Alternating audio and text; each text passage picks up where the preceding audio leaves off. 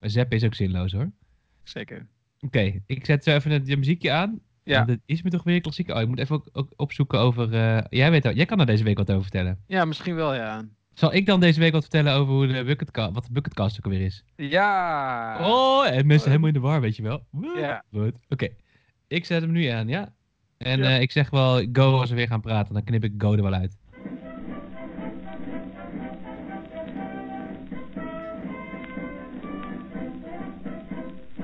Hoor je het wel? Nee. Ja, dat is het dan weer. Welkom bij de Bucketcast, aflevering 4 alweer. Eh, nog steeds vanuit een coronavrije studio, maar wel eh, eenzaam. Alhoewel ik volgens de koonzaam, eh, koning helemaal niet eenzaam te zijn. Maar toch zit ik hier alleen. eh, maar via Skype met Daan voor de vierde aflevering van de Bucketcast. Met op de achtergrond, Daan, wat hebben wij op de achtergrond vandaag? Ja, dus wat we op de achtergrond horen is eh, It's a Long Way to Tipperary. En eh, de versie die wij gebruiken, ik vraag me trouwens wel af of dat de originele versie is, maar dat maakt helemaal niet uit. Eh, It's a Long Way to Tipperary is ooit geschreven door Jack Judge. En zijn grootouders die komen uit Tipperary, dat ligt in Ierland, dat is een provincie. Ehm, maar de beste vriend is nooit in Ierland geweest, dus dat is één deel van het verhaal. En hij heeft dat in eh, 1912 eh, eh, geschreven, maar dit is tijdens de Eerste Wereldoorlog is dit wel een dingetje geworden, want het werd een soort van, ja hoe zeg je dat? Het werd een soort van het liedje van de soldaten zeg maar, want die waren allemaal ver over zee en wisten niet wanneer ze naar huis moesten. Dus je hoort ook in het liedje, hè, it's a long way to Tipperary, it's a long way to go. Ze wisten natuurlijk niet hoe lang ze nog eh, onderweg waren. En de mythe wil ook, de legende wil ook, en dan weet ik niet of dat waar is, dat in de Tweede Wereldoorlog dit liedje ook weer gebruikt is. En, maar dan zowel aan de Duitse kant en de geallieerde kant. Wat ik vrij bijzonder verhaal is, vind. Eigenlijk En een soort You'll Never Walk Alone. eigenlijk een soort You'll Never Walk Alone van de coronatijd, maar dan in de Eerste Wereldoorlog. Dan zonder corona. Zonder corona. Ja, hey, dat, eh, eh, Matthijs, de Bucketcast. Kan jij eh, misschien, eh, als we toch de rollen aan het omdraaien zijn en ik aan het uitleggen wat, eh, ben wat de muziek is, kan jij dan een keertje vertellen wat de Bucketcast eigenlijk is? Ja, de Bucketcast is het vehikel van Daan en mij. Daan aan de andere kant van de camera en mij hier in de, in de studio. Om te ontdekken hoe het is om je eigen Bucketcast eigenlijk waar te maken, om dromen waar te maken. En om samen te kijken ehm, wat je daar nou eigenlijk in tegenhoudt. Met maar één hypothese eigenlijk. De enige reden dat je je doelen en dromen niet bereikt, dat ben je zelf. Ja, Daar gaat het eigenlijk om. En daar gaan we het eh, vandaag ook weer over hebben. We hebben weer een gast. Eh, we gaan zo over twee de gasten agenda... eigenlijk hè? Oh, we hebben twee gasten. We hebben zelfs twee Ja. gasten. Ja, We zullen ja. de agenda heen lopen. Ehm, nog even goed om, om duidelijk te maken. Dus we zitten niet bij elkaar. Eh, ondanks dat we in onze studio ongeveer anderhalve meter bij elkaar vandaan zitten, hebben we ervoor gekozen om niet bij elkaar te zitten. Dat betekent dat Daan inbelt via Skype. Dat hoor je waarschijnlijk ook aan de geluidskwaliteit. Maar dat is even wat het is. Ja. De perfectionist in mij schreeuwt daar ellende over. En verder denk ik, ah ja, fuck it. We zijn in ieder geval weer een mooie aflevering aan het opnemen. En hebben fucking veel vette dingen te vertellen. Dus Ja. let's go. Wil jij iets Eh, vertellen over de, over de Ja, agenda van vandaag? We hebben een hoop te doen. Want we moeten volgens mij wel heel even stilstaan bij wat er de afgelopen twee weken dan gebeurd eh, is. Want Zo. de vorige keer maakten we nog een soort van grapje eh, over de coronavrije studio. En in de tussentijd is het allemaal een grapje met een ander laagje geworden. Eh, we gaan het onder andere hebben over onze moonshots natuurlijk, want dat hebben we de vorige keer beloofd. Eh, we hebben weer een prachtige reacties van luisteraars gehad, dus daar willen we het ook heel graag over hebben. We hebben uiteraard een interview, ook vorige week beloofd en ook uitgevoerd. Zojuist, supermooi. Eh, Er zitten ook weer een hoop leerlessen in voor iedereen. Eh, we hebben een speciaal itempje bucketlisten in corona times. Dus de mensen die onze socials hebben gevolgd, die hebben ook gezien dat we op een gegeven moment gepost hebben. hey, je hebt nu tijd over. Wat doe jij eigenlijk met je bucketlist in deze corona times? Yes. We zijn- de meeste van ons hebben tijd over. Ehm, ja, en we gaan natuurlijk, de, onze vaste rubriek is natuurlijk ook gewoon, en wat gaan we doen dan? Wat wil je Eh, doen dan? En ehm, daar gaan we het ook even over hebben, want daar hebben we best wel een mooi dingetje voor gevonden. Omdat eh, toch nog de bucketlisten, terwijl misschien het land nog wel verder op slot gaat. Zo, Eh, is terwijl wij dit opnemen, is het land nog niet helemaal op slot. Maar wie weet als we dit uitbrengen wel. Dus We gaan het zien, eh, Daan. we gaan het zien. Zullen we aan de slag gaan? Ja. Want volgens mij moeten we het gewoon eerst even hebben over eh, ja, de situatie in, in Nederland, slash de wereld. wat betekent dat eigenlijk voor onze dromen en doelen? Het heeft, bij- het heeft bij mij wel het een beetje in perspectief gezet. Mhm. En ik ben dus nog niet uit over, over uit of dit nou een kans is om soort van te resetten en van daaruit dromen te gaan waarmaken, omdat je daar dan nu, omdat ik nu toch thuis ben, eh, iedere Ja. dag en avond. Ehm, of dat ik juist kaart wil gaan om eerst maar even weer op orde te krijgen wat er, wat er allemaal nog is. Bijvoorbeeld het bedrijf waar ik voor, voor werk. Ja, ja zeker. Ehm, en ik zit er een beetje hetzelfde in. Dus de, zeg maar, de afgelopen week ehm, eh, is heel veel van mijn werk uit mijn agenda verdwenen. Dus ik kijk naar volgende week in mijn agenda. Daar staat er nog wel iets, want ik doe wel dingen met virtueel coachen. Dus dat, dat, dat loopt er nog wel een heel klein beetje door. Eh, maar voor de rest, ik heb nog nooit in mijn eh, ondernemende leven zo'n lege agenda gehad. Eh, ik maak me niet gelijk zorgen, maar ik dacht wel, oh, dit is wel, dit is gewoon, ik sta gewoon voor een fundamentele keuze. Dat is een beetje wat er gebeurd is. Ja. En ehm, ja, Wat is die keuze? Hoe zou je die keuze omschrijven? nou, dat ik, dat ik denk van, het is ook een soort dat ik denk, oh ja, eh, het zet alles in perspectief, zeg maar. Hè? Dat is een beetje cliché wel, maar we- dat is wel echt aan de hand, omdat je denkt van ja, eh, ik vind het belangrijk dat iedereen eh, die ik ken gezond is. En dat is ook de reden waarom ik bijvoorbeeld nu niet in die studio zit, want ik ben een heel klein beetje verkouden, maar ik wil het echt niet op mijn geweten hebben dat ik bijvoorbeeld jou of jouw kleine man aansteek. Nee. Ehm, eh, dus dat, hè. En mijn ouders, die hou ik ook digitaal op afstand en zo.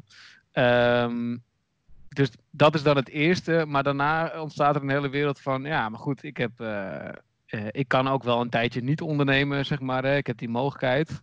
Eh, wat ga ik nou eigenlijk doen? En misschien liggen er wel heel veel kansen, maar en kan dat nu wel? En ja, en tegelijkertijd, eh, eh, vlak voordat wij gingen opnemen, lees dan ook weer een berichtje over dat er 600 zoveel mensen zijn bijgekomen en weer eh 30 mensen overleden of zo. Dus het is een hele bizarre.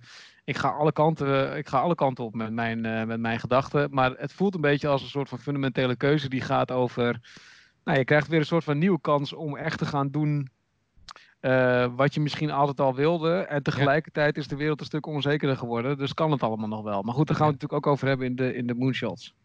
Ja, ik merk dat zakelijk sowieso wel hoor. Dus ik, aan de ene kant wil ik enorm strijden voor, eh nou, voor bedrijf waarvoor ik werk of, of gewoon voor, mijn voor mijn werk. Ja. Eh, en aan de andere kant denk ik, ja, is dit nu het moment om na te denken over creatieve, mooie interventies om mensen te helpen, digitaal, weet ik veel wat, en daar heel erg met de markt mee op te gaan. Ik merk dat ik ook een beetje terughoudend ben in, zeg maar, mensen benaderen van, joh, eh, hoe is het bij jou en kan ik je nog helpen? Omdat ik Ja, echt niet de persoon wil zijn die een slaatje slaat. Eh, Ik krijg echt veel van dat soort mailtjes in mijn mailbox Zeker. van event managementbedrijven. En LinkedIn staat ook helemaal vol met allerlei goed bedoelde dingen. ja. Die ik soms in echt, echt gewoon naar, Ja. naar naar, naar geldtrekkerij. En daar heb ik echt Ja. wel moeite mee, merk ik. En ik snap dat heel veel mensen het echt wel moeilijk hebben, ook in hun ondernemerschap. Maar dat is inderdaad niet, eh, niet de manier. En tegelijkertijd, want daar hebben we het ook heel even over gehad. Sommige dingen heb je ook gewoon even nodig om daar overheen te stappen. Hè? Dus er zijn eh, voor het bedrijf waar wij allebei voor werken, of eh, in mijn geval sinds deze week voor hebben gewerkt. Eh, ook gewoon wel een paar dingen gebeurd die, eh, nou, dat is, eh, daar is ook gewoon een rouwcurve voor nodig. Hè? Dus we hebben ook al bijna wel wat traantjes gelaten over wat er de afgelopen week allemaal gebeurd is. Ja. Letterlijk. Zeker. ik Eh, ben sowieso een beetje labiel hoor, merk ik. Dus, dus, dus er gebeuren allerlei prachtige dingen ook op internet en social media. En ik zag gisteren nog, ik heb het ook gepost op mijn eigen Insta, Insta-stories. André van Duin bij Matthijs van Nieuwkerk. En dat raakt me dan zo enorm op dit moment. ja, Ehm, dat is het ook. dat soort dingen. Ik had het ook van de week toen, eh, toen, ging, toen ik eh, naar buiten ging om acht uur om eh, te applaudisseren. En toen stonden er ook ineens allemaal andere mensen in mijn straat. In een wijkje wat niet per se heel connected is of zo. Waar het niet Nee, heel druk is. En toen dacht ik ook, oh, dat is ook eigenlijk wel... Ik vond het heel bijzonder. Nou, Nou, ik ook. Dus die samenhorigheid, die vind ik prachtig. En tegelijkertijd, ik hoop dat het ook niet de reden daar... Ik had liever samenhorig geweest omdat we deze zomer het EK voetbal hadden gewonnen. Laat ik het Ja. zo zeggen. ja, maar dat, eh, volgend jaar hebben we Memphis er weer bij. Dus is de kans groter dat het gaat lukken.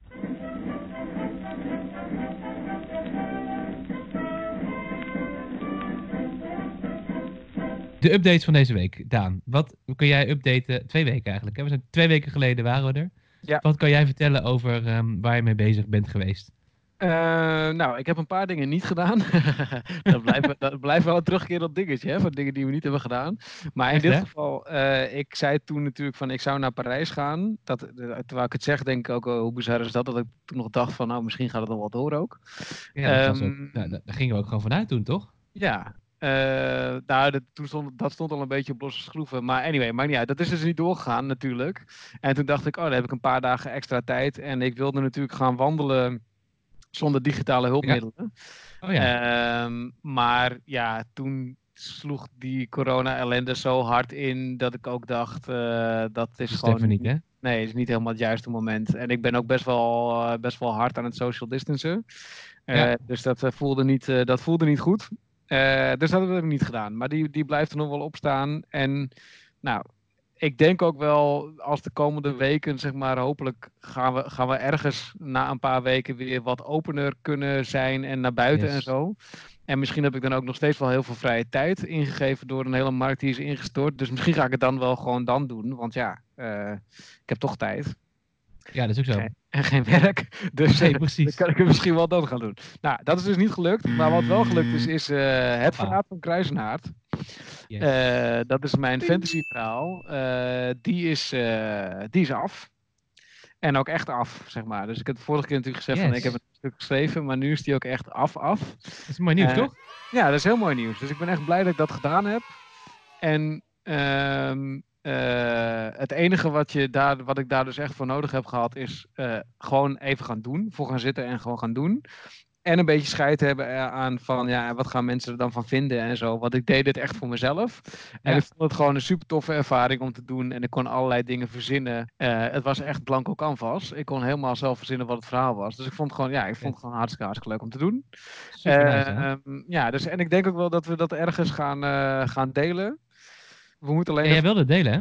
Ja, ik wil het wel delen. Maar we moeten even bedenken hoe. Maar dat komt wel goed. Ja, want het is best een lang verhaal, toch? Het is uh, zeker. Het is voor 15 pagina's of zo. Nice. 7.000, 8.000 woorden, geen idee, zoiets. Nice. Kan je kort iets vertellen over uh, het verhaal, het verraad, het verraad van Kruisenhaar, toch? Ja, het verraad van Kruisenhaard gaat over uh, Anthony, Anthony de Dienaar. Uh, en die is vluchteling. En uh, het verraad van Kruisenhaard gaat over ehm, Anthony moet vluchten omdat Kruisenhaard, de provincie waarin hij woont, bestormd is. En, of niet bestormd, aangevallen is met, met brandende bommen en granaten. Um, en de vraag is wie heeft dat gedaan? Want de wereld waarin hij leeft is heel harmonieus en altijd alles is bij zijn vrede. En hoe kan het nou dat er ineens oorlog uitbreekt? En terwijl de, de, de afzender van de, van, de, van de brandende speren zeg maar uh, niet bekend is. En terwijl hij ja, ja. vlucht en terwijl hij dus door de wereld aan het vluchten is naar een plek waar hij weer thuis kan zijn ergens uh, komt hij steeds meer te weten over het verraad van Kruishaard. Wie heeft dit nou eigenlijk gedaan? En de clue zit er natuurlijk uiteindelijk dat hij er ook wel achter komt wie dat is. Maar de vraag is, is dat ook echt waar? Dus als je er goed doorheen Oeh. leest. Precies, als je er goed doorheen leest, kom je er ook achter. Ja, maar misschien denkt Anthony iets te weten wat niet waar is. Nou ja, anyway. Lekker lezen. Ik ben heel benieuwd. En Tonke Dracht heeft ook gezegd dat je dit moet doen, hè? Nog even. Zeker. Ja, Tonke Dracht, de schrijfster van uh, kinderboeken. Uh, onder andere Brief voor de Koning. Uh, was laatst bij de Wereld Door een interview met haar. En zij heeft ook gezegd dat uh, kaarten tekenen een supergoed idee is. Dus nou ja, hè, bij deze. Um, misschien moet jij ook Jij hebt ook een paar dingen gedaan, toch? Zeker, ik heb ook een paar dingetjes afgevinkt. namelijk, um, ik heb een verhaal geschreven. Ik heb dat volgens mij ook gepost op onze socials. Het verhaal nog niet, maar dat moment dat ik aan het doen was. In een café over een onbekend persoon. ik noem haar Jolien. Um, en ik heb uh, naar haar zitten kijken, misschien wel een beetje awkward, terwijl ik een broodje aan het eten was in een café. En ondertussen heb ik in uh, ongeveer 50 minuten, denk ik of zo, uh, heb ik een verhaal over haar getypt, wat, wat, ja, waarvan ik denk dat zij... dat heeft ook heel interessant voor je creativiteit. Want het begint een beetje houterig, want je kijkt eerst natuurlijk heel erg naar uiterlijk en dat soort dingen. Mm. en daarna ga je... Op een gegeven moment gebeurt er gewoon iets en dan... Ik merk dat je ook heel veel van jezelf in één keer kwijt kan. Dus, dus, ik, dus ik ga nog meer van dit soort verhalen schrijven, heb ik besloten. Cool. Um, en uh, misschien deel ik het ook wel even. Ik weet nog niet precies hoe. Het is niet zo'n heel lang verhaal. Het is twee kantjes of zo. Um, ja, het is wel interessant. Het is, wel, het is een observatie van iemand waar ik heel veel observaties van mij en de wereld. Nou, is wel de pre-corona-wereld heb uh, ja. gestopt. Want dit cool. was en, nog pre-corona. En je was met de kleine man, toch? Ik was met de kleine man. Die zat bij mij uh, in de draagzak. Dus ik stond aan een staattafel te typen. Terwijl Olivier, dat is mijn, mijn zoontje, aan het slapen was. Ja, dit is, dit is wel echt een scène. Ik zie, het, ik zie het gelijk voor me ook. Ja, maar, dat was echt heel leuk. Volgens mij ook goed om te delen. En wat dus, waar ik dus van de week achter ben gekomen, omdat ik met iemand in gesprek was, is er heeft ooit een platform bestaan. Uh, waar, dat heet Dichten in de Trein volgens mij, waarin mensen uh, gedichtjes schreven over onbekende mensen en dat dan posten op die, op die, uh, op die blog. Vet. Ja, dus zeg maar, uh, dat bestaat ondertussen niet meer, maar het, dus, het, is een, het is een soort van bekend fenomeen zonder dat wij wisten dat het een bekend fenomeen was. Super nice. Ja, ja ik nou, vind mooi. het wel leuk. Maar wel gelukt Superleuk. dus. Superleuk, uh, wel gelukt. Dus uh, een dikke ping voor mij. Komt die. Ping. En um, dat is heel leuk. En ook gelukt. en dat is echt wel heel tof. Ik heb daar denk ik de vorige keer al iets over gezegd. Maar ik heb me aangemeld om een van de dingen op mijn bucketlist is spelen op een festival. En daar een showtje voor schrijven. en ik speel deze zomer drie um, namiddagen op het Trekfestival. Eén keer in Utrecht, één keer in Zethogenbos en één keer in Tilburg. Uh, twee showtjes van 25 minuten. En dat vind ik heel tof. Vorig jaar zou ik dat ook al gaan doen. Toen vond ik dat ik geen tijd had. Eigenlijk zou ik het met jou gaan doen, Daan. Maar jij kon Ja. niet. En toen moest ik alleen. En toen durfde ik niet. Uh, en nu, ja, nu moet ik wel. Dus de Ja. eerste keer is 28 mei in mijn eigen statie. Utrecht. En uh, dan uh, ga ik nog op, op tournee naar uh, Den Bosch en naar Tilburg einde van de zomer. Dus één keer in juli, één keer in augustus. Heel vet. En, en het is natuurlijk super mooi dat dit gelukt is. Uh, was ook een best groot ding volgens mij op je, op je bucketlist. Ja, het is net, Eh, het is net, ik vind net geen moonshot, maar het is wel... Ja, het komt wel in de Ja. buurt van de moonshots, denk ik. Een shotje. Een shotje. Mini moonshot. Een moonshotje. Oh, ze hebben een shotje. Oh, een klein vleugeltje. Ja. Mm. Ik las ook net trouwens ergens op Instagram had iemand eh, eh, een postje gemaakt van eh, wat heb jij de afgelopen week het meest ontwikkeld? Kookkunst of alcoholisme?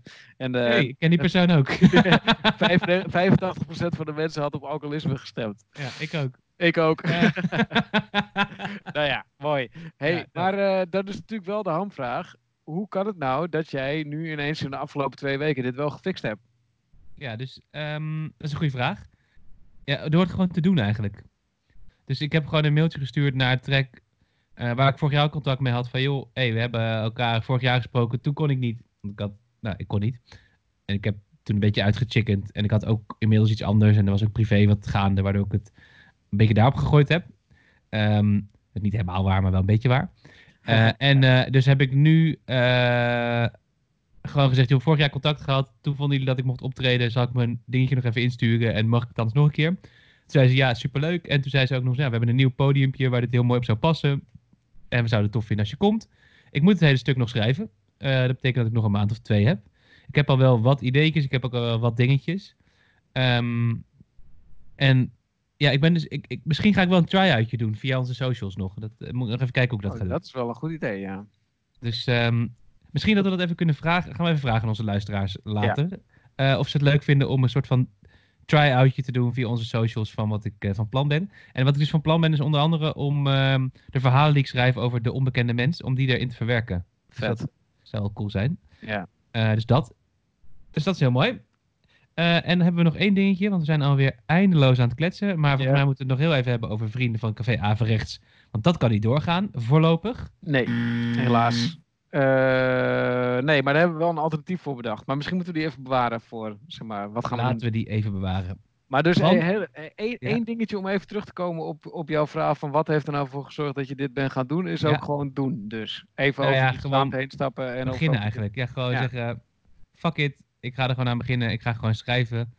Ehm, ik, ben, ik was eigenlijk gewoon aan het wandelen met Olivier door de stad. Omdat ik dacht, ik ben even naar buiten, is lekker weer, let's go. Mhm. Ik had voor de zekerheid mijn laptop in mijn rugzak gedaan. En toen stond ik op een gegeven moment in mijn stamcafeetje te staan met een kop thee eh, en een, eh, een broodje. En toen dacht ik, ja, maar ga gewoon typen, lul. Ja, En zo ben ik nou, toen gewoon gaan doen. mooi. Oké, Twee kantjes over Jolien en Frank. goed ik zo. ga- Ik kijk wel even wat ik daarmee doe. Of ik dat op een leuke manier eh, Top. kan delen. Oké, Let's go. Hey, ehm, Daan. Ja. Even wat heel anders.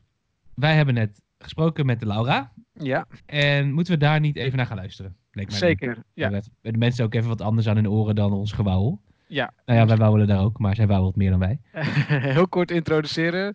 Ja, Wij zeker. hebben naar aanleiding van de eerste aflevering al een berichtje gehad van, eh, van Laura. Laura Vink heet zij.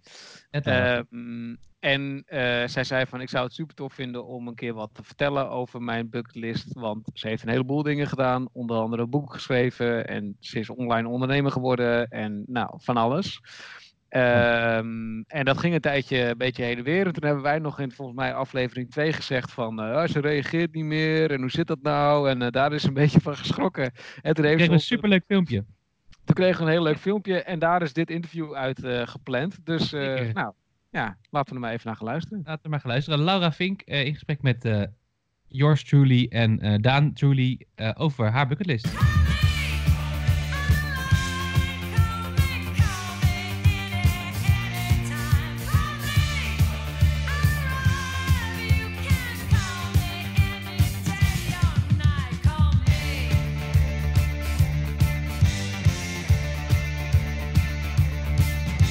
Ja, ehm, nou, ik ben dus Laura. Ik ben fotograaf en ik uh, geef online fotografielessen op mijn website thinkacademy.nl. Nice, leuk. Uh, weer een fotograaf, dan. Ja, was, was, geen, was geen bewustzijn trouwens. Nee, was geen bewustzijn, was wel een dingetje. Ja, maar Laura, jij doet wel echt iets anders dan onze vorige gast, uh, volgens mij. Want die, ja, die, geeft geen online, die geeft geen online cursussen. Doe je alleen maar online? Of... Ja, ja, en ik richt me helemaal dus op het online lesgeven. Dus ik schrijf over fotografie, ik geef webinars, ik heb een online fotografiecursus, uh, e-books geschreven, een boek geschreven, meerdere. Fotografeer zelf ook. Dus als ik zeg ik ben fotograaf, dan verwachten mensen dat ik in te huren ben om foto's te maken. Maar dat is het niet. Dus ik fotografeer wel en ik ga er heel graag op uit in de natuur. Maar ik verdien niet mijn geld met mijn foto's aan zich, maar door het lesgeven. Mooi. Hey, en uh, je had ons benaderd na aflevering 1 al. Van ik heb ook een bucketlist gedaan en ik heb ook dingen bereikt. En daar, daar zou ik wel eens over willen vertellen. Dus dan zijn we heel benieuwd. Hoe is, dat, hoe is dat gegaan? Dus heb je eerst een bucketlist gemaakt? Of was je al dingen aan het doen? Hoe, hoe ging dat proces van zeg maar tot een bucketlist komen? En, wat, en dan natuurlijk straks, wat heb je daarvan gedaan? Ja, ik weet nog dat ik een keer in het vliegtuig zat. En ik, ik weet niet meer welk boek ik aan het lezen was. Maar dat ging dus over een bucketlist maken. En toen ben ik dus in het vliegtuig op mijn telefoon ben ik een lijstje gaan maken. En ik wilde heel graag um, uh, golfsurfen op Hawaii. En um, ik wilde, um, ja, wat wilde ik nog meer? Zwemmen met haaien leek me super vet. En uh, een boek schrijven. En ik weet niet meer of dat daarvoor was het al dat ik een keer, um, dat was niet toen, maar ik heb een keer leren zweefvliegen. Dat stond al heel lang op mijn bucketlist, dus ik heb leren zweefvliegen. Um, maar ik weet nog heel specifiek dat ik in dat vliegtuig zat en toen weer eens ging nadenken van ja, wat wil ik allemaal nog? En um, ja, dat heb ik toen in mijn telefoon opgeschreven. Hoe lang is dat geleden? Dit is denk ik um, zes jaar geleden. Gok ik. En komen er nog steeds dingen bij of ben je gewoon aan het afwerken? Is hij al af? Nee, nee, nee. Hij is niet af. Ik denk dat het een soort work in progress is. Um, er staan nog steeds dingen op. Dus er komen nieuwe dingen bij. Maar er zijn ook dingen afgevinkt. Nou, zoals, zoals naar uh, golfsurfen op Hawaii. Wow. Ja, er zijn een soort van twee uh, soorten bucketlisters hebben wij uh, ontdekt. Namelijk mensen die meer op Matthijs Franken lijken. die, zeg maar, die elke week dingen erbij stoppen. En deze week niet trouwens. deze week niet. En niet zo goed zijn in dingen afmaken. En de andere is meer zoals ik. Die maakt een lijstje en die denkt nou laat ik eerst deze lijst gaan afmaken voordat er weer iets bij komt. Dus jij hoort meer in de tweede categorie? Of? Ja, en ik denk dat je een bucketlist ook niet als een to-do-lijst moet zien. Omdat het, je kunt het ook oh. niet allemaal in een korte periode afvinken. Dus het is niet zo van, nou ja, als, als dit erop staat, dan moet het allemaal af. Maar je moet, wilt ook niet, denk ik, het gevoel hebben dat je nog zoveel wilt, dat je dat never nooit af gaat krijgen. Ja, Laura, wij zijn ook wel benieuwd. Wat is nou misschien wel het mooiste ding wat jij gedaan hebt al? Wat je hebt afgerond van jouw eigen bucketlist en hoe is dat gegaan dan? Um, nou, ik ben een paar jaar, vijf jaar geleden ben ik op reis gegaan. Dus toen um, ging ik met mijn vrienden reisbestemmingen uitzoeken. En toen stond Hawaii daarop, want ik wilde golfsurfen op Hawaii. En daar konden we ook zwemmen met haaien. Dus dan kan je eigenlijk al vrij snel ineens iets afvinken. Ja, uh, maar ik had ook een boek, uh, een boek schrijven, stond ook op mijn, uh, op mijn bucketlist. En eerst was het niet heel erg bewust, want ik had al een e-book geschreven. En die ging ik toen later ook als een boek uitbrengen. Maar dat dat voelde toen ja, toch heel anders. Um, en tijdens die reis vijf jaar geleden wilde ik een, um, een vriendin van mij zei: Laura, je moet een boek gaan schrijven over alles wat jij op reis meemaakt en je reisfotografie. Dus ik dacht, ja, maar wie zit daar nou op te wachten? Maar zij had wel een soort zaadje geplant. En tijdens die reis ging ik daarover nadenken, over nadenken. Toen dacht ik, ja, ik kan wel mijn tips over reisfotografie gaan, gaan delen en gaan schrijven.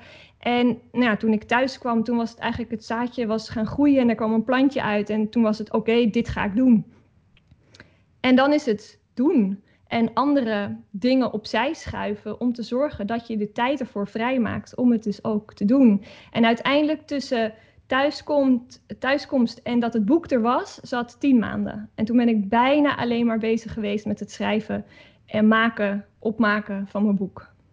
Ja, ik wou net zeggen, dat is best wel snel volgens mij hè, voor het proces om een boek te schrijven. Dus je, maar dat, dan heb je, want je zegt ja, dingen aan de kant schuiven. Hoeveel dingen heb je dan aan de kant moeten schuiven om dit voor elkaar te krijgen? Nou, dat was het moment dat ik stopte met workshops geven. Want hmm. ja, ik had daar, dat, dat kost niet alleen maar de tijd om de workshop te geven, maar ook om de voorbereiding en alles omheen te regelen. Dus ik dacht, ja, ik ga echt uh, stoppen met workshops geven. Ik deed daarna ook geen fotosessies meer. Dat was ik voor de reis al een klein beetje gestopt.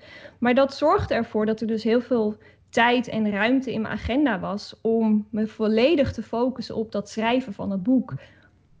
Dat best wel een bold decision dan, want dat was ook iets waar je geld mee verdiende, denk ik. En met het boek nog niet direct. Nee, klopt. Um, dat is helemaal waar. Maar ik kon wel mijn, ik, ik verdien mijn geld ook met die online fotografiecursus. Oh Die was er al, dus dat kon doorgaan. Mhm. En um, ja, ik, er zat een risico in, want het kon zijn dat het boek af was en dat niemand hem zou kopen. Maar ik had er wel vertrouwen in dat ik voldoende publiek had opgebouwd om, als het boek er zou zijn, dat, dat ik ook kopers zou vinden. Hey, maar uh, en er zijn er heel veel mensen die, uh, die dit luisteren en die denken, ja, ik heb ook dit soort dingen op mijn bucketlist staan. En onze hypothese is eigenlijk een beetje, het enige wat je ervoor nodig hebt is lef. Of als je het anders formuleert, zeg maar, het enige wat je in de weg staat om je bucketlist te doen, dat ben je zelf. Ja. Ehm, hoe kijk jij daarnaar? Is dat, is, dat, is dat een beetje waar, die hypothese van ons? Of denk je, het zit anders? Nee, ik denk wel dat lef nodig is, maar ook um, de, ja, de moed om dus keuzes te maken, om, om tijd vrij te maken, om dat boek te schrijven bijvoorbeeld. En in mijn geval was dat vrij, uh, oké, ik ga er tien maanden bijna fulltime aan werken. Dat hoeft natuurlijk niet. Je kunt ook gewoon één keer in de week een uurtje pakken om te gaan schrijven aan dat boek. En dat boek hoeft niet over een jaar af. Het mag ook een langer proces zijn. Maar je hebt dus lef nodig, inderdaad, om te beginnen en om die keuze te maken. Maar ik geloof ook echt dat je volharding nodig hebt om tot het einde te komen. En ja, op jullie bucketlist staan ook dingen die je niet 1, 2, 3 kan realiseren. Dus dat moet je ook volhouden. Dus ik denk dat dat volhouden er ook echt in zit. Mooi. Als er nou uh, één ding is wat jij aan onze luisteraars mag meegeven over... En aan ons. Uh, en aan ons, inderdaad. Want wij hebben ook nog allemaal onmogelijke dingen op onze bucketlist staan. Uh, over hoe krijg je nou je bucketlist voor elkaar? Wat is, wat is dat dan? Begin. Hmm. Ja, gewoon begin. Maak een beginnetje. Dat is denk ik um, het allerbelangrijkste. Maak een beginnetje en zorg hoe je daar komt. En misschien ben je er niet in één keer. Um, maar ja, maak een beginnetje. Elke keer een stapje verder. En uiteindelijk kom je daar hopelijk waar je wilt zijn. Cool. Dankjewel, Laura. Nou, ja, dat je bij ons in de uitzending uh, wilde in de, uit, in de uitzending, dat klinkt ook chic, in de, in de online, uh, in de online chatbox wilde komen in deze tijd van uh, eenzaamheid en zo. Ja, mooi. Superleuk.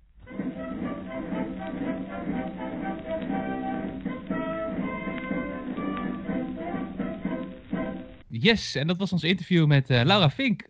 Wat is jou het meest bijgebleven, Daan?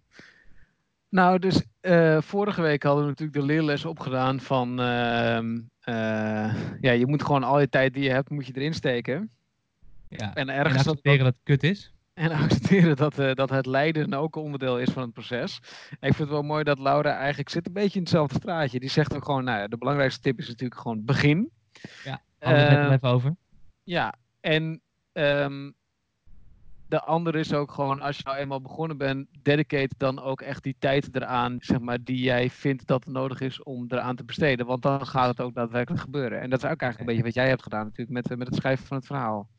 Ja, zeker. Alleen ik vind wel dat, als je kijkt naar hoe Laura dat doet, dan zegt zij wel gewoon van ja, ik ga gewoon iets anders niet meer doen, zodat ik mijn droom wel kan doen. Ja. Uh, en eigenlijk zei uh, Thomas dat vorige week ook al, hè? Ja. Ik ga niet meer bruids fotograferen, wat hij toch wel kut vond. Uh, om andere dingen wel te kunnen doen. Ja. Uh, en ik merk dat ik dat is nog. dat, dat de persoon die elke week een aantal nieuwe items op zijn lijst heeft, dat toch wel ingewikkeld vindt hoor. Ja. Ik weet niet hoe jij dat hebt, maar jij hebt dat Nou, minder, denk ik. Maar... Voor mij is dat minder inderdaad. Ehm, ja, maar het is wel. Het is, voor mij hebben we allebei wel een beetje last van keuzestress. Dus we vinden het fijn om veel dingen op ons lijst te zetten. Want dan zeggen we: Oh, ik kan ook nog een keertje dit doen. En ik ga ook nog een keertje dat doen. En Ja. zij heeft gewoon gezegd: Ik ga nu gewoon even een boek schrijven. Even. Ik ga Ja. nu gewoon in tien maanden een boek schrijven. Ja. Had ik idee aan de slag. Dus dat is wel. Eh, ja, dus beginnen, doorzetten, tijd voor maken. Ja, helemaal eens. Kijk, en met, dat is zeker waar. En tegelijkertijd, bij mij is het ook wel zo dat hoe meer dingen ik op mijn lijst zet, hoe hoger de kans wordt dat ik succes heb. Dat is met, de met de manier waarop ik grappen maak. Maak ik gewoon heel veel grappen en dan hoop ik dat er eentje raakt. Dat is een beetje de hagelschiet-techniek. wel.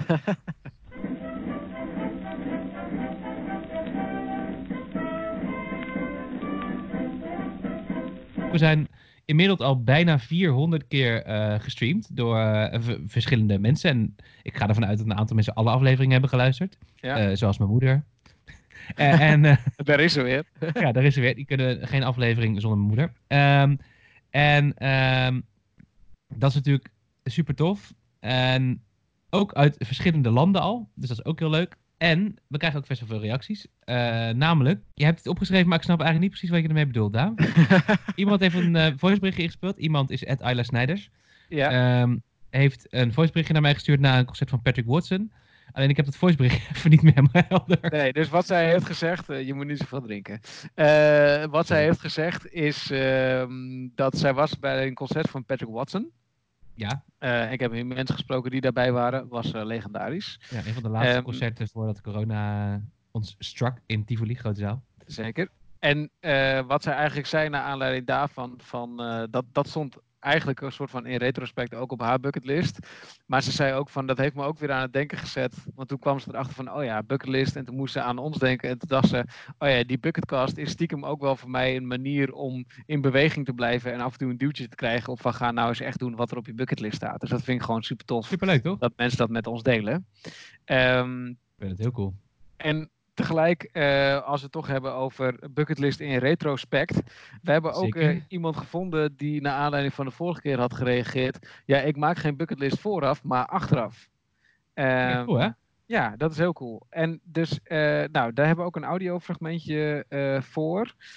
waarin ze beschrijft hoe dat dan ongeveer voor haar heeft gewerkt. En wat zij bijvoorbeeld de laatste keer van haar eh, met terugwerkende kracht bucketlist heeft afgestreept. Daan vroeg me zojuist eh, of ik de vraag kon beantwoorden: hoe werkt een bucketlist met terugwerkende kracht?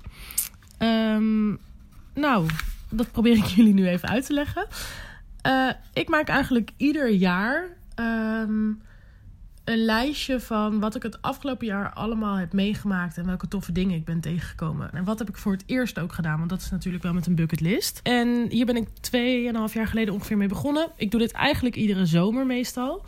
Ehm, ik weet ook niet waarom, maar voor mijn gevoel lopen mijn- mijn jaren van zomer tot zomer. Kijk, als je van tevoren een bucketlist maakt, jullie hebben het er natuurlijk vorige keer al kort over gehad. Van, eh, oh, ik heb ehm, op mijn bucketlist staan dat ik heel graag eh, wil rondreizen door Bali. Ja, eh leem, maar ik heb het zelf ook gedaan. Eh, dus guilty. Maar eh, dat staat niet per se bovenop mijn bucketlist. Het is meer dat ik dan ehm, trots op mezelf ben dat ik daar bijvoorbeeld nou ja, echt in mijn eentje heb rondgetrokken. Nou heb ik hem er net even bijgepakt. En onder andere wat dingen die erop staan is dat ik dus heb gezwommen met haaien. En het is niet dat ik dat van tevoren op mijn bucketlist had gezet. Maar toen ik ging reflecteren op het jaar dat ik eh, in Sri Lanka ben geweest. Toen dacht ik wel, wow, dit is wel echt iets heel tofs wat ik heb meegemaakt. En eh, dat overkwam me eigenlijk gewoon. Eh, en dat geldt hetzelfde voor het abzeilen van de Euromast. Ehm, dat was van tevoren niet per se iets waarvan ik dacht... oh ja, dat moet op mijn bucketlist staan of zo. Maar toen ik dat had gedaan, dat kwam, was eigenlijk gewoon per toeval... door Frisse Blikken, waar ik werk, dat dat gebeurde. En dat, dat ik de kans kreeg om dat dus te doen. En nou, toen ik dat had gedaan, dacht ik wel van... wow, dit is echt heel vet. En dan denk je achteraf gezien gewoon... dit is een bucketlist item. Dit kan ik wel van mijn, van mijn lijstje afstrepen. Dus ik maak eigenlijk niet per se eh, lijstjes van tevoren. Natuurlijk heb ik wel wat dingen waarvan ik denk dat zou ik altijd nog wel een keer willen doen. Ehm, bijvoorbeeld een eh, tekenfilm inspreken of een kinderserie inspreken. Ehm, maar ik bekijk meer achteraf van, nou, ik reflecteer echt op mijn jaar en waar ben ik dan gelukkig mee en wat is me overkomen en wat zijn echt dingen die voor mijn gevoel niet zo snel weer zullen gebeuren. Eh, dus ik probeer het meer op die manier te benaderen. Ja, en wat ik daar mooi aan vind, ja, en wat ik daar mooi aan vind is dat ze dus eh, er echt bewust bij stilstaat van, wow, wat heb ik eigenlijk allemaal gedaan dit jaar en wat vond ik er eigenlijk van? En leeft me dat nog steeds kippenvel op? Zo ja, dan schrijf ik het op en dan staat hij bij deze op mijn bucketlist. Vind ik echt een hele interessante manier om daarmee Ja. om te gaan. En weet je wat ook heel cool is, Daan? Jij weet het nog niet, maar ik zit nu even live te kijken in de recensies van ehm, onze Apple podcasts. Oh jee. En daar stond ene eh, recensie in eh, van de ene Mark Zuiderwijk. Haha, mooi. Maar er staan ook twee nieuwe recensies in. Yes. Eentje van iemand die ik ook echt niet ken, en jij misschien, ik weet het niet. Ehm, die noemt zichzelf Damgloin, Damgloin, G-A-M-G-L-O-I-N. Een mooie podcast met heerlijke, echte en eerlijke verhalen over het wel en soms niet doen waar je energie van krijgt. Must have voor iedereen die een bucketlist probeert af te vinken. Yes. Heel vet, Damgloin. Echt superleuk dat je dit hebt gedaan. Dat maakt mij heel blij. En eh, Jennifer van Toorn, die ken ik wel. Superleuke eh, podcast over de weg naar het al dan niet bereiken van je bucketlist. Super herkenbaar en confronterend. Zet mij even aan het denken. Oh ja, en love the 20s hits. Iemand heeft het Yes. door dat wij iets met 20s hits doen. Eh, ja, ja, ja, ja, ja. Maar, we, die, die, maar die Spotify playlist gaan wij nog niet delen. Zeker niet, dat komt nog. Die komt nog. Oké, cool. Oh, wat vet dat dit. eh, Ja. hier, hier word ik blij van. Eh, maar blijf cool. dus mensen, als je nu luistert, blijf ook eh, reviews eh, schrijven en geef ons sterren zoveel als je het waard vindt op Apple Zeker. Podcast of eh waarever je ons kunt eh, beoordelen. Ja. En Eh, deel je het met meer dan 10 mensen, dan word jij een vriend van de show. En dan krijg je een famous shout-out in deze aflevering. Ehm, nu hebben we geen nieuwe vrienden van de Bucketcast, maar ik wil Dem Gloin wel een kleine shout-out geven. Want ik vind het heel cool dat hij, zij ehm, iets heeft geschreven over onze podcast. Echt super bedankt, Dem Gloin. Ja.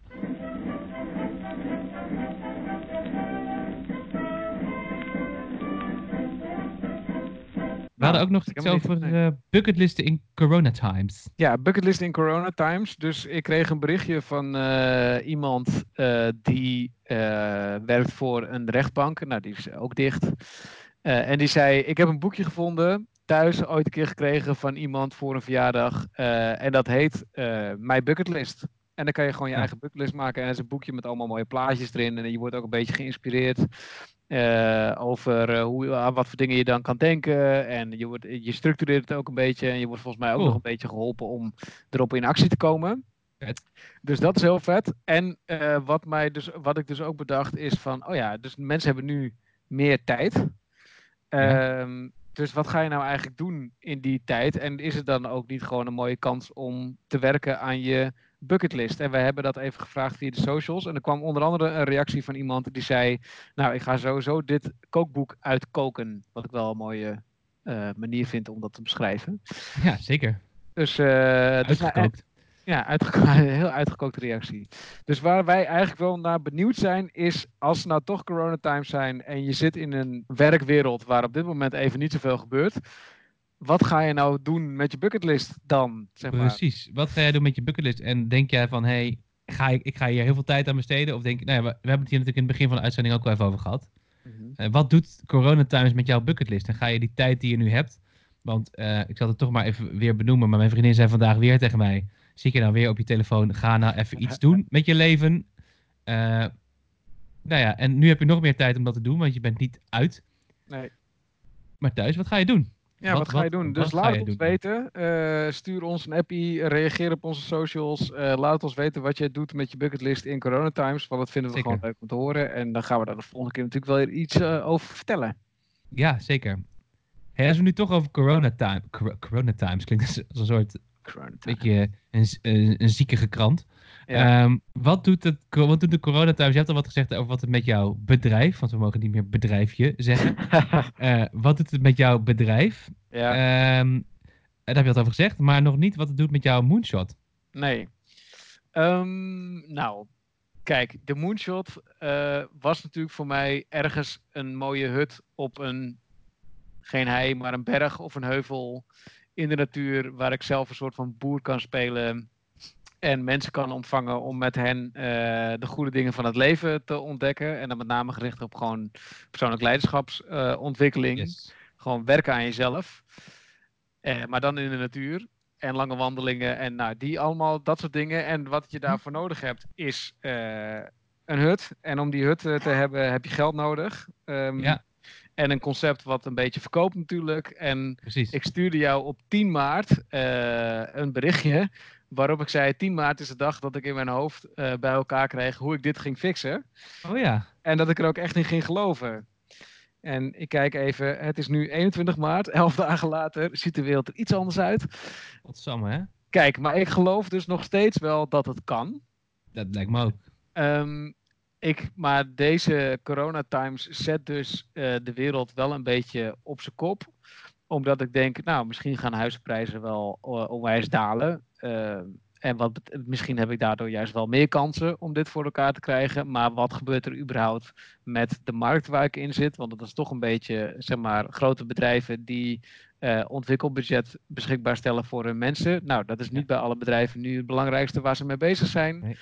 Dus ik vind het echt onwijs ingewikkeld. Ehm, en, maar ik heb ook even voor mezelf besloten, ik ga hier er gewoon ook even over nadenken. Zeg maar. Dus ik ga hier nu niet gelijk in één keer op handelen. Ik heb ook even een paar dagen nodig om mezelf weer bij elkaar te rapen of zo. Ja, snap ik. Ehm, eh, eh, en ik ga dan ook die rust en die ruimte die ontstaat ook gewoon gebruiken om, zolang ik nog naar buiten kan, dan kom ik ook veel buiten, om daar gewoon eens even goed over na te denken van wat, ja, wat, wat wil ik hier nou eigenlijk, wat wil ik hier nou eigenlijk mee?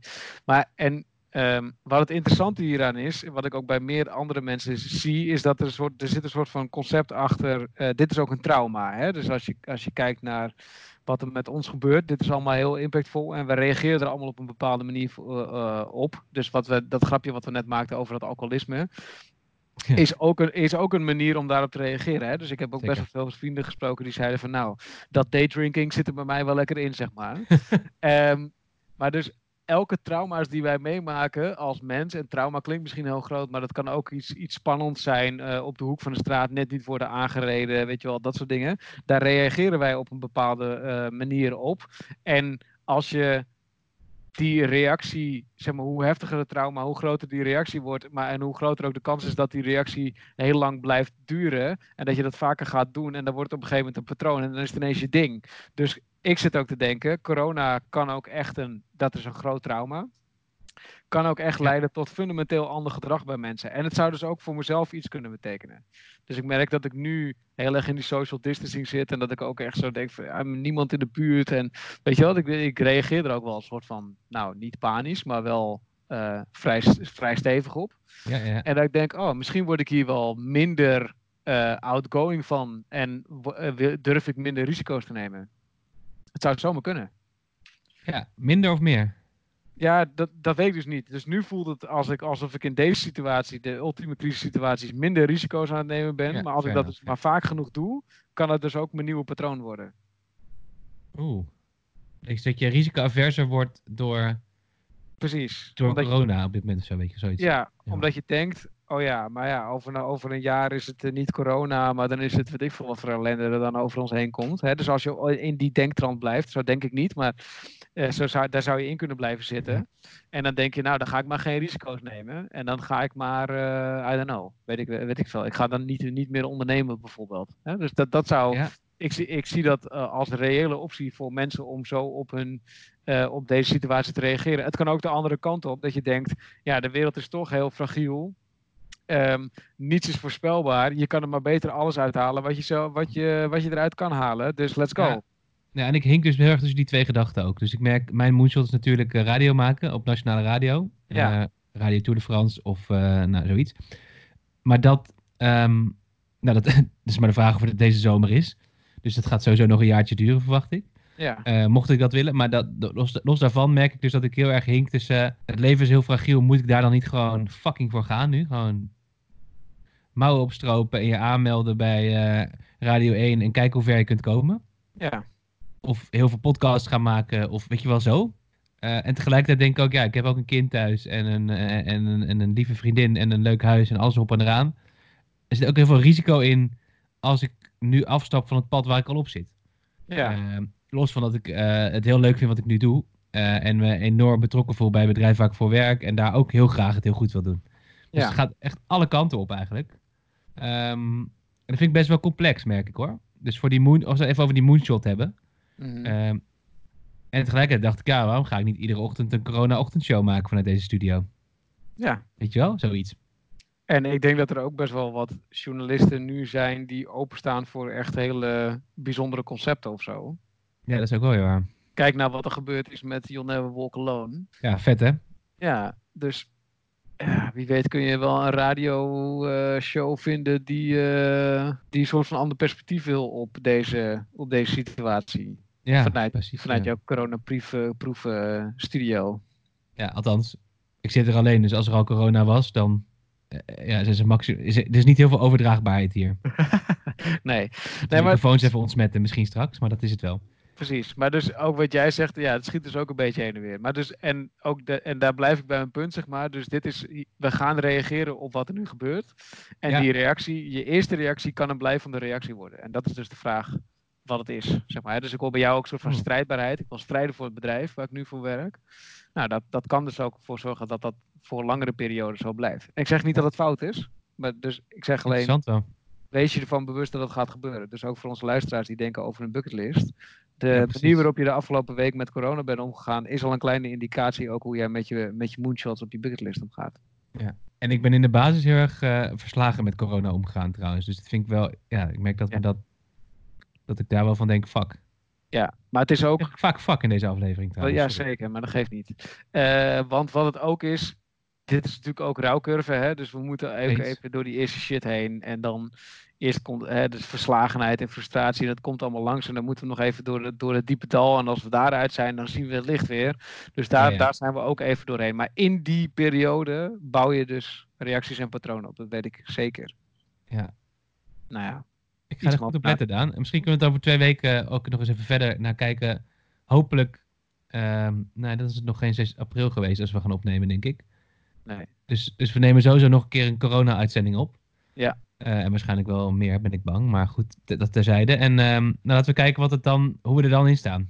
Ja, Vind ik leuk. En, eh, en ik ben dus ook wel benieuwd naar mensen die dit luisteren en denken... hey, wat een bullshit, vrienden. Ik kijk hier heel anders naar. Let, laat ons even weten. En ehm, Ja.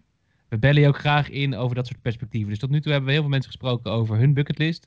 Ehm, maar dit gaat ook over hoe bereik je nou je droom? Hoe bereik je je doelen? Wat drijf je nou eigenlijk? En hoe ga je om met omstandigheden ehm, waar je geen invloed op hebt? Volgens mij eh, moeten we eindigen met een positieve noot. ja. Namelijk, en- wat gaan we dan wel doen de komende weken? En ik zou de eerste op onze lijst even als laatste willen bewaren. Om het toch even te teasen, ja, ja, eh, ja. Daan. Want wat kunnen we wel doen in onze eh, corona, in onze social distancing? Dus wat kunnen we wel doen terwijl we die curve aan het flattenen zijn? Ja, nou, daar hebben we natuurlijk al even over nagedacht. En Tuurlijk, zo zijn wij. Wat, ik, wat ik sowieso had bedacht, eh, ik ben natuurlijk nog steeds bezig met die groentetuin. Incoming eh, geluidje eigen huis en tuin. Oh ja, Eh, en wat ik, wat ik eh, de komende weken wil gaan doen, want het is wel ongeveer ook de tijd, hè, begin april is ook de tijd om andere dingen te gaan zaaien. Zoals mijn sojabonen en mijn tomaten. yes. Dus dan ga ik daar maar eens aan beginnen. Want. Ja, ja, ik heb thuis nog een heleboel potjes en een heleboel grond en zaad. Dus nou ja, dan eh, wordt, het, Ja. dan wordt het gezaaid. maar ik kan nu niet naar Kudelstaart, toch? Eh, nee, nou, het kan wel, maar ik doe het niet. Want mijn ouders eh, zijn ruim boven de 65. Nog niet heel, veel- nog niet heel oud hoor. Maar dan denk ik wel, ik ga, ik ga, niet, ik ga het risico niet lopen. lopen. Dus ik spreek ze twee keer per week virtueel. Oké. Maar ja, daar kan je geen nog ste- van- zeg maar, je kan virtueel praten zoveel je wil.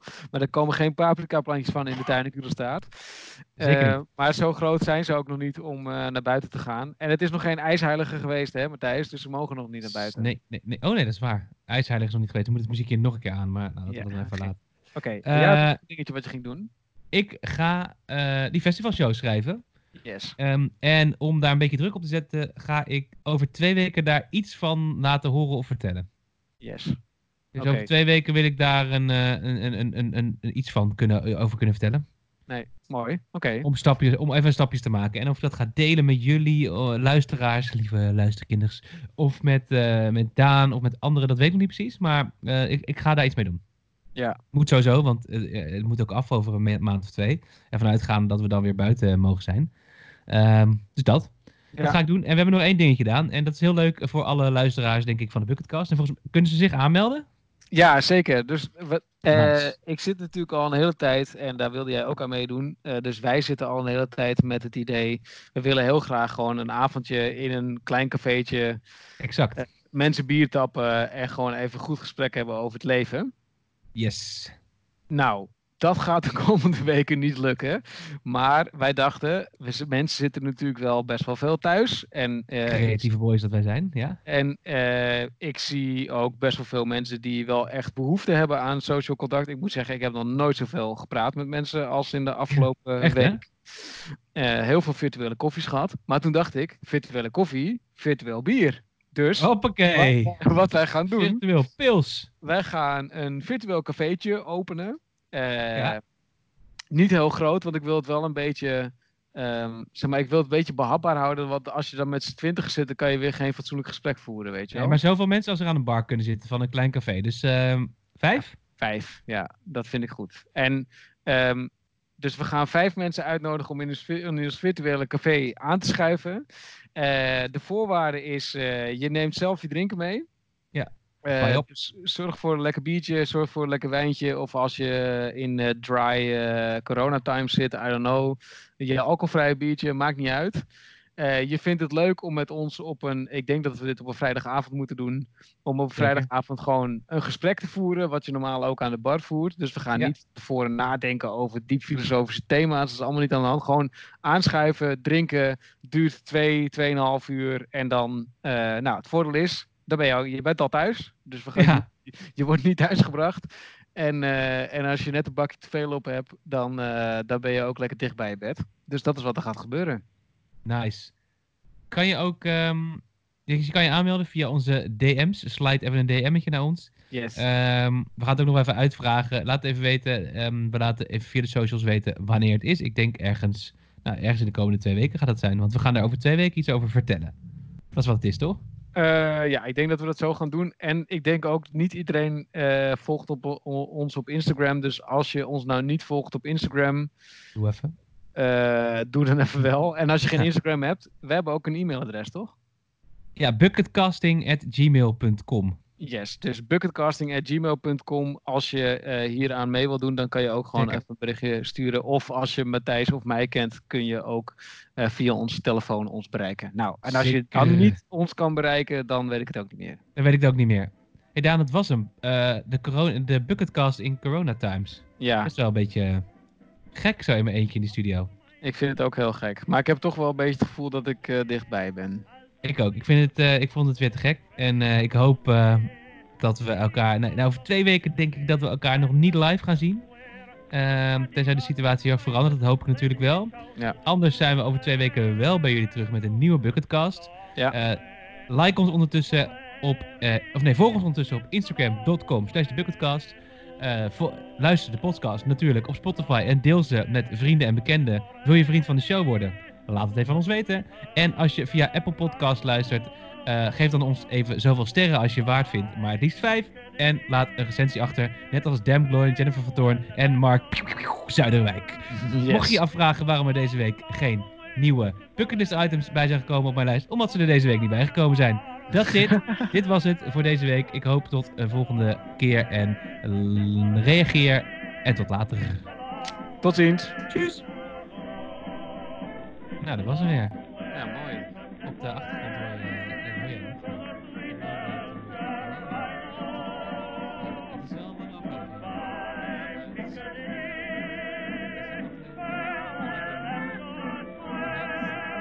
It's a long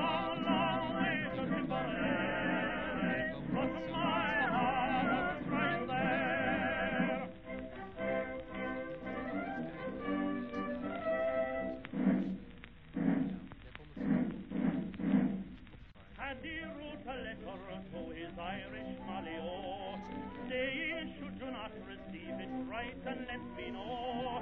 If I make mistakes in spelling Molly dear, said he, remember it's the pen that's bad, don't lay the blame on me.